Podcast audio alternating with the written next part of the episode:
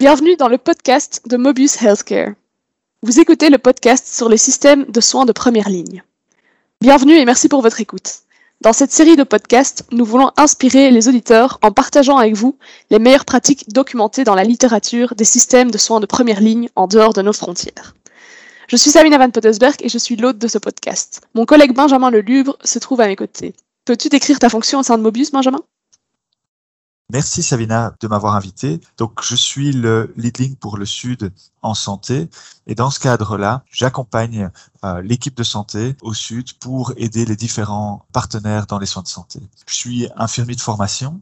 Euh, j'ai travaillé pendant euh, cinq ans dans les soins pour ensuite accompagner les hôpitaux dans la gestion de projets, aidé par mon master en santé publique et politique de santé j'ai pu, dans un premier temps, accompagner un hôpital, plusieurs hôpitaux, des services, et depuis trois ans maintenant, au sein de Mobius, différents hôpitaux et administrations et acteurs de la santé dans euh, la réalisation de différents projets en lien avec nos valeurs et le avec le quadruple aim. Bienvenue Benjamin. Euh, dans cet épisode, nous parlons des soins primaires en Allemagne, de la manière dont ils sont organisés et financés, mais aussi des difficultés rencontrées et des points positifs. Euh, afin de commencer ce podcast, pourrais-tu nous décrire le système de soins de santé en Allemagne, Benjamin? Oui, dans les grandes lignes, le système de santé allemand se classe au 12e rang de l'indice des consommateurs de santé, publié en 2018 le système de santé euh, et de sécurité sociale allemand est particulièrement apprécié pour son sens unique de la solidarité. Il a été introduit pour la première fois euh, en 1883, ce qui en fait le plus ancien système de santé et de sécurité sociale au monde. Le système de sécurité sociale allemand a été introduit, pour la première fois en 1883, ce qui en fait le plus ancien système de sécurité sociale au monde. Ses origines remontent à la législation sociale de Bismarck. Il s'agit d'un système d'assurance assez particulier car il est basé sur les revenus, de sorte que ceux qui gagnent plus contribuent davantage. Il est également particulier en ce sens que le système de sécurité sociale publique et le système de sécurité sociale privée coexistent. Et grâce à cette combinaison, l'Allemagne dispose d'une couverture de santé quasi universelle.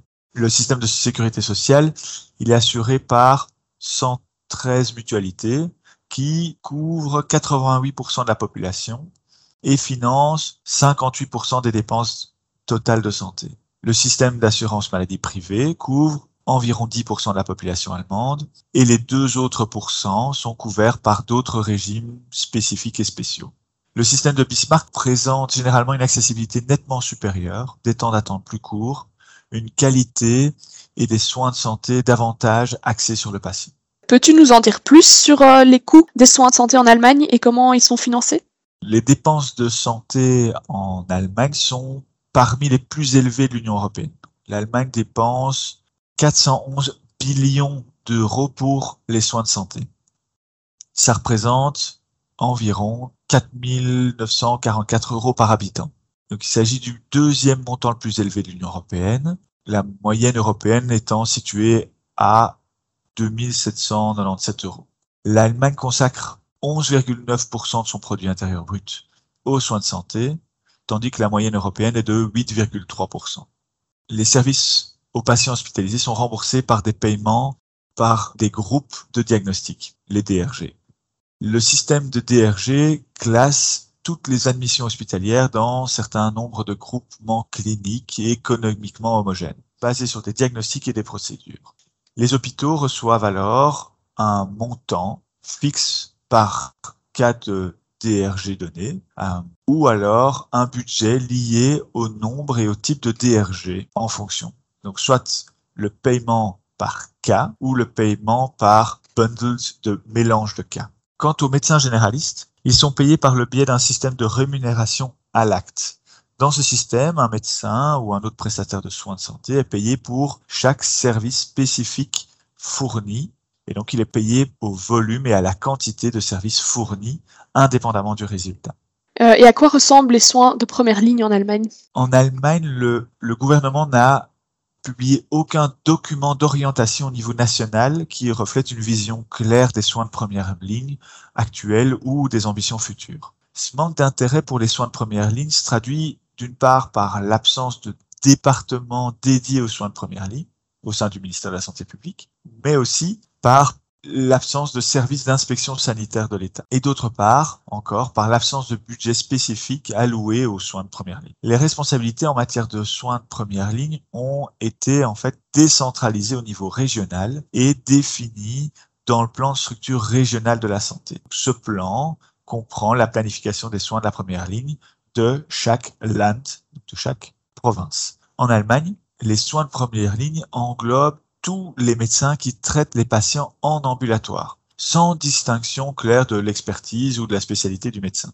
L'accès ne dépend pas du problème ou de l'état du patient, par exemple. Donc, quand on reprend le patient diabétique, le diabète peut être et est traité à la fois par des médecins généralistes et des médecins spécialistes. Chaque patient a le libre choix de son médecin. Ainsi, la distinction entre les spécialistes et les généralistes dans les soins de santé est déterminé par le système de sécurité sociale allemand et dépend entre autres du système de garde-barrière, entre guillemets. Cette distinction dépend également de la nature de l'état et des besoins du patient.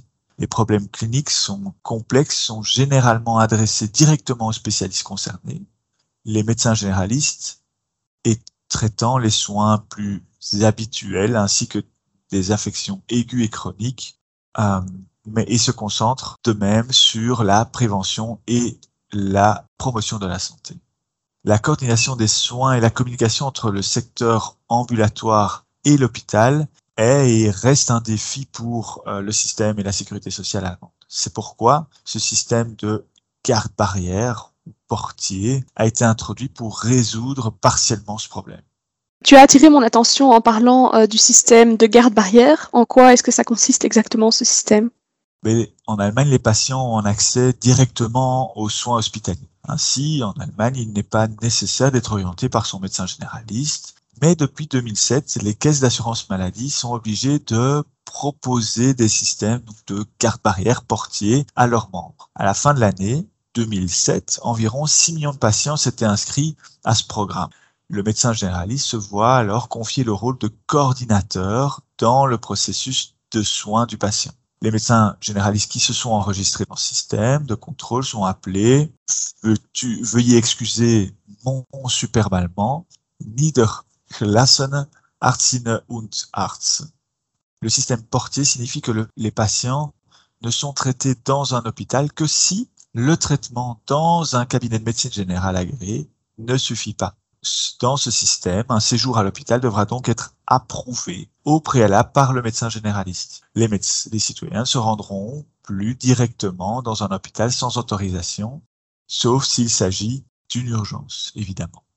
Et quels sont les avantages que représente alors ce système de portier ou, de garde-barrière Donc, ce système, il faut bien prendre en considération, comme c'est dit précédemment, qu'il n'est pas obligatoire pour le médecin ou le patient mais elle est offerte par la caisse d'assurance maladie. Toutes les professions médicales sont donc directement accessibles aux patients. Ils peuvent toujours consulter directement un spécialiste sans passer par leur médecin traitant. L'objectif même du système de portier, c'est d'obtenir une meilleure coordination des soins, une meilleure qualité des soins, une réduction des coûts. Le patient et le médecin généraliste ont un intérêt mutuel à s'inscrire à ce système-là. Il vise à réduire les consultations inutiles auprès des spécialistes et la réduction du nombre de consultations inutiles devrait alors être financièrement plus avantageuse pour le patient lui-même, car elle permet de réduire les frais qui sont à la charge du patient. Le système portier vise aussi à optimiser la capacité de soins et à réduire les dépenses alors globales de soins de santé. Mais il n'y a pas d'évaluation obligatoire du résultat du contrat des portiers. Toutefois, une enquête avait été menée par euh, une fondation, la fondation Bertelsmann, excusez encore mon allemand, auprès des assureurs maladie en 2004 et 2007. Elle a révélé que le système actuel n'atteint pour l'instant pas ses objectifs. Les patients inscrits dans le contrat n'ont pas de meilleurs résultats de santé que les patients qui n'y sont pas inscrits. Et le nombre de visites n'est pas différent entre les personnes qui participent et les personnes qui n'y participent pas auprès des spécialistes. D'accord. Comment est-ce que toi, tu évaluerais les soins de première ligne en, en Allemagne? Je dirais qu'en Allemagne, les soins de santé et les soins de première ligne de manière générale sont facilement accessibles et le temps d'attente est généralement très court. L'organisation des soins de première ligne, elle est pas forcément optimale et elle devrait être améliorée dans son intégration via, par exemple, l'introduction de Community Medicine Nurse. Et là, c'est des disciplines infirmières qui seraient complémentaires et supplémentaires, qui peut reprendre certaines tâches du médecin généraliste, comme assurer des suivis de patients chroniques. Ça renforce le rôle infirmier et l'objectif alors devient l'amélioration des soins de santé de première ligne de manière locale, durable, évidemment basée sur les preuves evidence-based. Surtout, à la lumière des différents défis tels que l'évolution démographique, la pénurie de médecins, c'est un atout qui pourrait être mis en œuvre. En outre, l'organisation de soins intégrés de première ligne a également été améliorée par l'expansion des cabinets de médecine générale. On estime que chaque généraliste prend environ 2000 habitants à sa charge. Malgré que les patients ont libre choix de leur médecin et peuvent changer de généraliste à tout moment, la relation médecin-patient est plutôt stable au niveau de l'Allemagne. Ça, c'est pour ça qu'on dit qu'il prend en charge environ 2000 habitants lui-même. D'autre part, depuis 2000, les années 2000, plusieurs lois ont été adoptées en vue d'améliorer la coordination des soins et de renforcer les soins de première ligne en tant que fonction clé du système de santé allemand.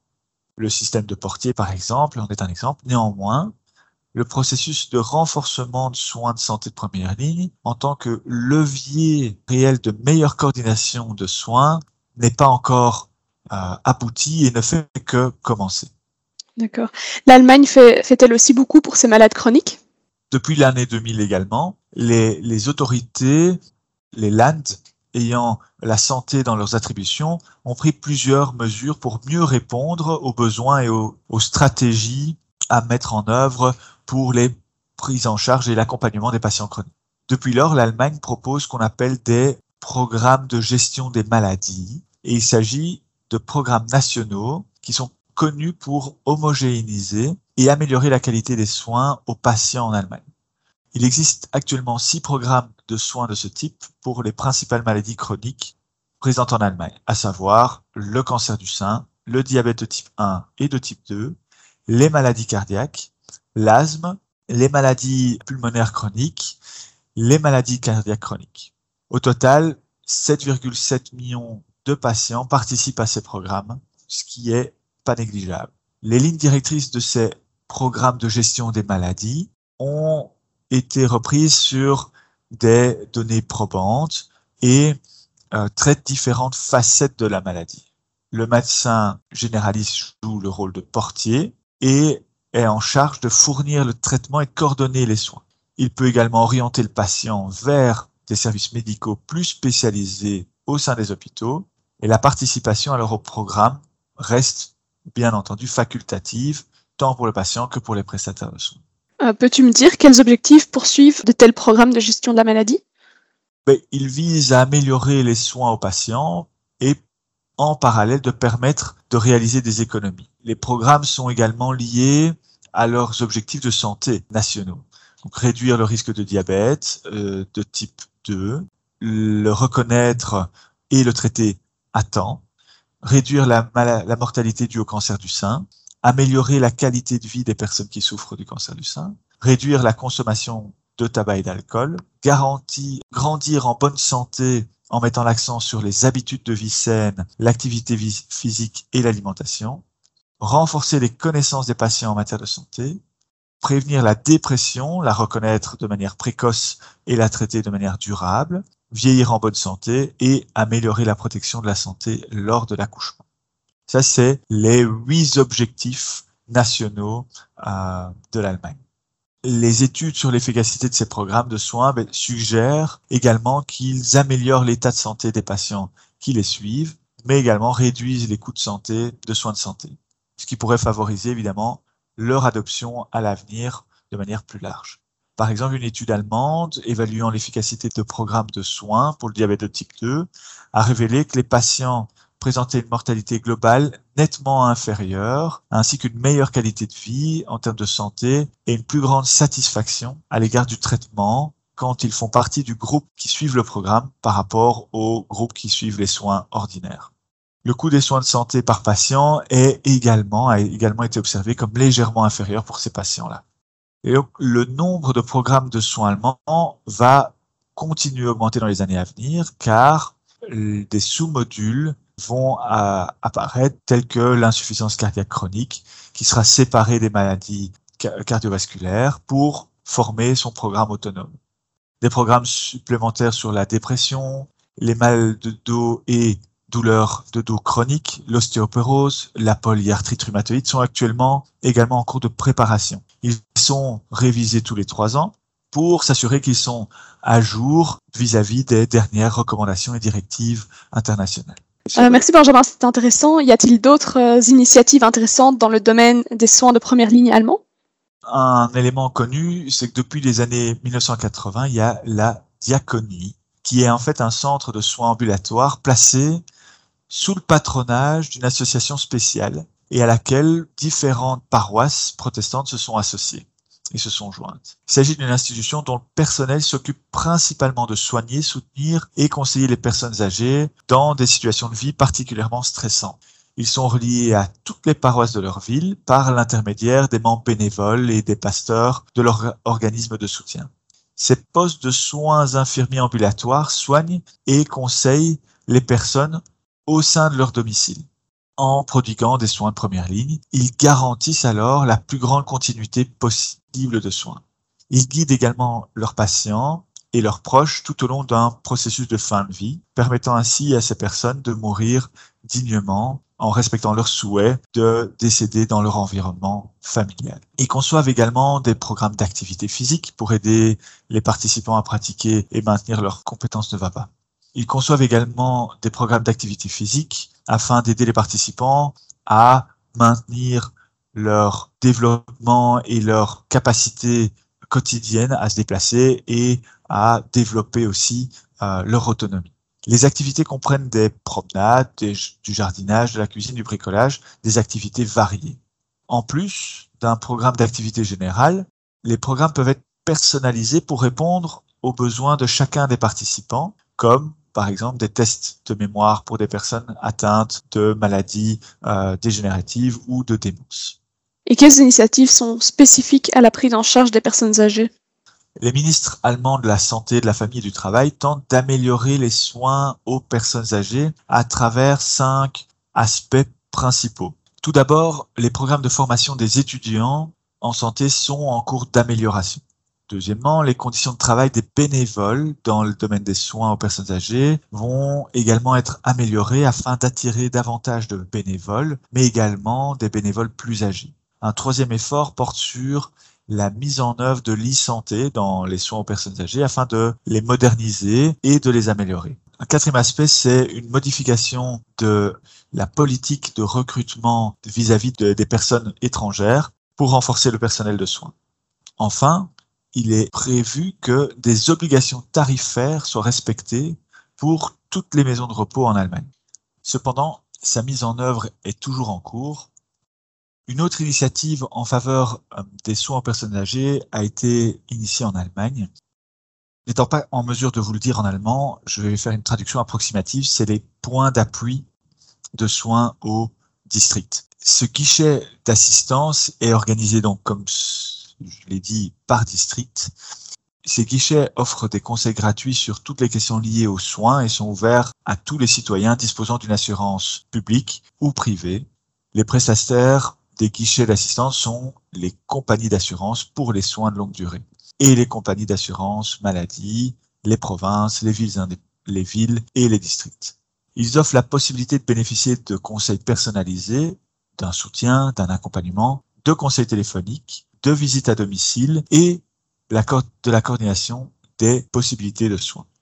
Outre ces points d'appui, guichets d'assistance, l'Allemagne soutient également les personnes âgées et leurs aidants proches par le biais d'une assurance de soins longue durée.